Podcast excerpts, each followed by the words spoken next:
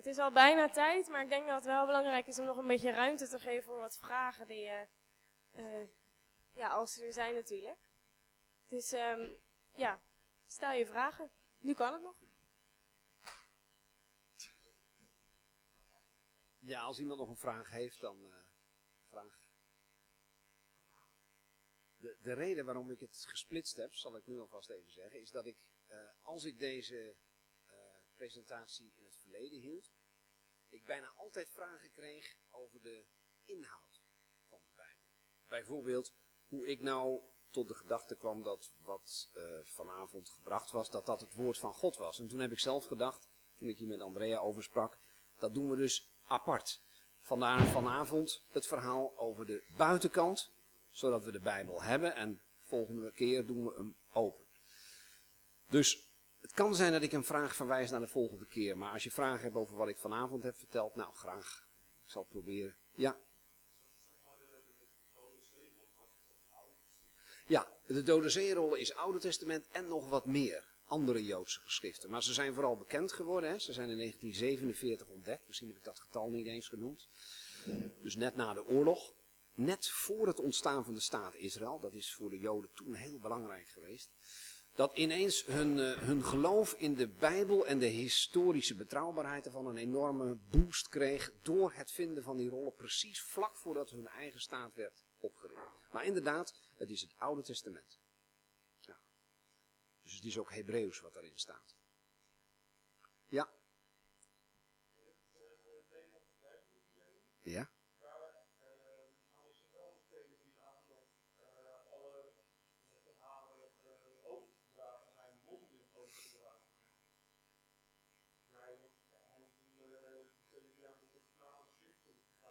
Nou, in ieder geval, ik sluit dat andere natuurlijk niet uit. Want um, het enige wat ik zeker weet als ik mijn Bijbel open doe, is dat Mozes geschreven heeft. Dat, dat wordt gewoon verteld. En dat hij spreekt over allerlei mensen die voor hem, soms ver voor hem geleefd hebben. En daar zal zeker mondeling het nodige zijn overgedragen. Maar het is voor veel mensen toch een eye-opener als ze zien dat de mensheid, ook de mensen die in de Bijbel voorkomen, al veel eerder konden schrijven dan ze dachten. Dus het is alleen maar eigenlijk door mij bedoeld als een extra argument om niet meteen te denken, het is alleen maar mondeling gebeurd. Als dat trouwens zo was, zou ik nog zeggen, zo so wat. is God dan niet in staat om dat proces te besturen? Maar ik laat gewoon even horen dat de Heer mogelijk al veel eerder dan wij denken, mensen dingen heeft laten opschrijven die Mozes kan hebben gebruikt. Maar ik zeg het voorzichtig, want ik kan het niet bewijzen. Uh, omdat al uh, lang voordat Mozes schreef, zeker duizend jaar, uh, men in staat was ook om in dat gebied van de wereld te schrijven. Dus het is meer om het extra aannemelijk te maken. En als het iemand zou helpen die toch nog twijfelde, dan zeg ik van nou, dan heb ik het om die reden erbij verteld. Nog een vraag, ja? Ja. Ja. Ja. Ja. Ja. Ja, dat is, een, uh, dat is volgens sommigen een probleem. De meeste van die kleitabletten zijn volslagen oninteressant. Die bevatten de paleisadministratie. Zoveel wagenwielen, zoveel spaken, zoveel graan, zoveel wijn de voorraadadministratie. Maar gelukkig soms ook verslagen van, uh, iemand had het vanavond over veldslagen, of er vanavond allemaal veldslagen langskwamen. Nou, soms staan er op die kleintabletten verhalen van, uh, we hebben weer een koning overwonnen, meneer die en die. En dat is belangrijk voor de datering, als we die naam kennen. Volgens sommigen, maar ik kan ze helaas zelf niet lezen, staan er af en toe op die kleintabletten namen van figuren, personen, steden die ook in de Bijbel voorkomen. Maar heel weinig. Want ze zijn eigenlijk buiten die wereld ontstaan. We hebben dus, uh, laat maar heel duidelijk zijn, geen kleitabletten van voor Abraham die ook nog iets zeggen over de personen voor Abraham. Wel uit Abrahams eigen tijd. Dus dat, uh, dat moet ik gewoon toegeven. En ik, net vandaag heb ik nog gekeken of daar inmiddels nieuwe inzichten op zijn. Want ik denk, ik moet goed beslagen ten ijs komen voor allerlei slimme vragen vanavond. Uh, het is nog steeds zo dat men zegt, toen het allemaal net ontdekt was, was men zo enthousiast dat ook uh, uh, de gemiddelde leek die iets van die teksten in vertaling zag, gelijk dacht, zie je wel, dat vind je ook in de Bijbel.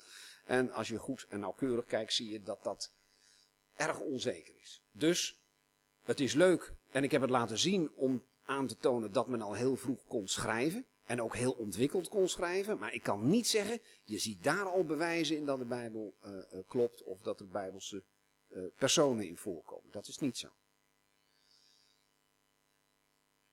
Ja. Ja.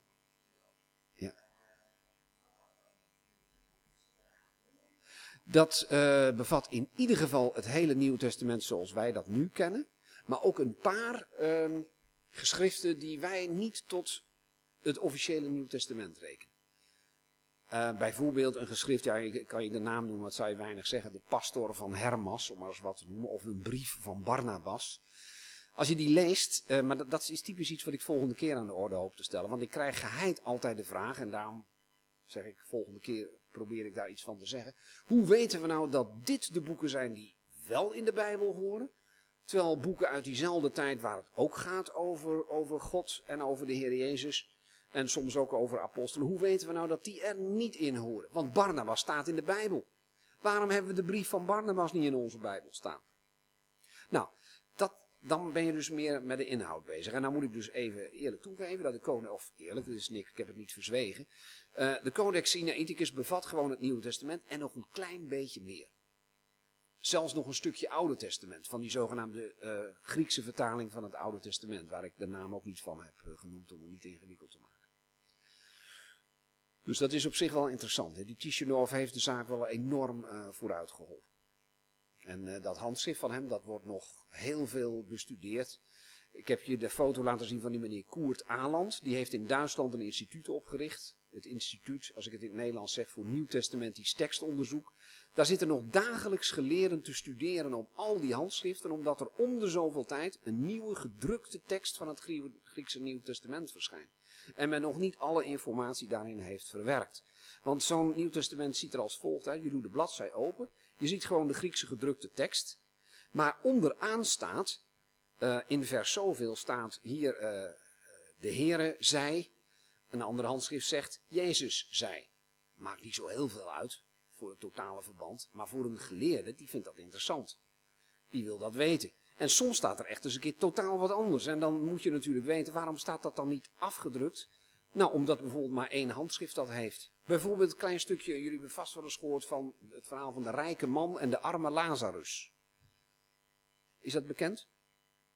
Een bekend Nieuw-testamentisch stukje. Er is één handschrift, eentje maar, en dat vertelt hoe die rijke man heette. Nou, dat kun je voor de aardigheid afdrukken. Onderaan de bladzij, zo'n handschrift X zegt niet de rijke man, maar zet er ook nog een naam bij.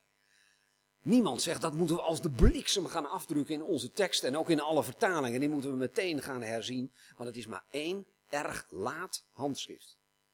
Maar geleerden vinden dat interessant. Die denken, hé, hey, in de tiende eeuw zien we ineens die naam. Dat is erg laat, zal wel niet origineel zijn. Hoe komt iemand erbij om dat er ineens bij te zetten? Heeft hij dat verzonnen? Heeft hij gedacht van dat zijn ze generaties lang vergeten, maar ik heb nog een heel oud handschrift gevonden dat nu niemand meer heeft en daar komt het vandaan? Dat is soms erg interessant, want er zijn natuurlijk ook een heleboel van die dingen verloren gegaan.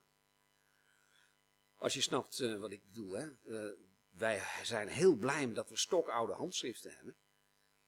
Maar er zijn ook handschriften uit diezelfde periode die we niet meer hebben.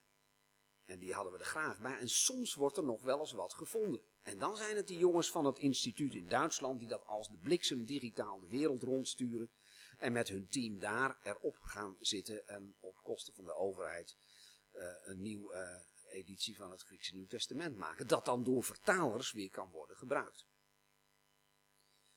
Maar de oude test, de tekst van het Oude Testament staat eigenlijk zo goed als vast. Het Nieuw Testament is iets meer in beweging. Maar de onzekerheid betreft maar hooguit 5% van de tekst. Dat je vooral niet denkt dat die tekst van jouw Bijbeltje uh, niet betrouwbaar is.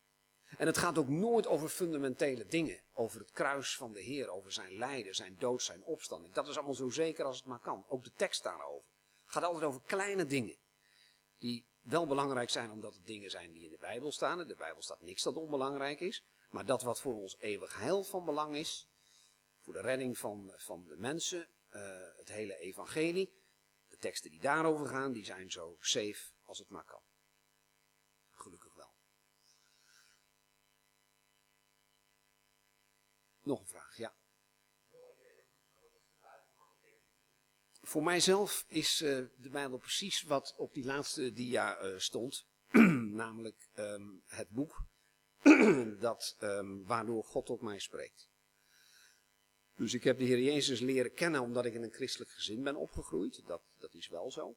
Maar van jongs af aan heb ik te horen gekregen dat mijn ouders niet voor mij konden geloven, maar dat ik dat zelf moest doen. En als ik wilde weten wat ik moest geloven, en naarmate ik ouder werd, kon je daar ook een beetje anders over praten, dan wezen mijn ouders mij standaard op de Bijbel als het woord van God. En dan zeiden ze, dat is niet alleen maar een oud boek, maar dat is een boek waarin God tot ons spreekt. En dat heb ik van jongs af aan gelukkig ervaren, naarmate ik ouder werd en er meer in ben gaan lezen. Zeg ik van ja, dat, uh, die zekerheid en die vreugde, die, uh, die gun ik aan iedereen. Dus het is inderdaad ook voor mij persoonlijk het... Uh, de ANWB die gaf vroeger een boek uit met allemaal landkaarten. Dat boek heette Het beste boek voor de weg.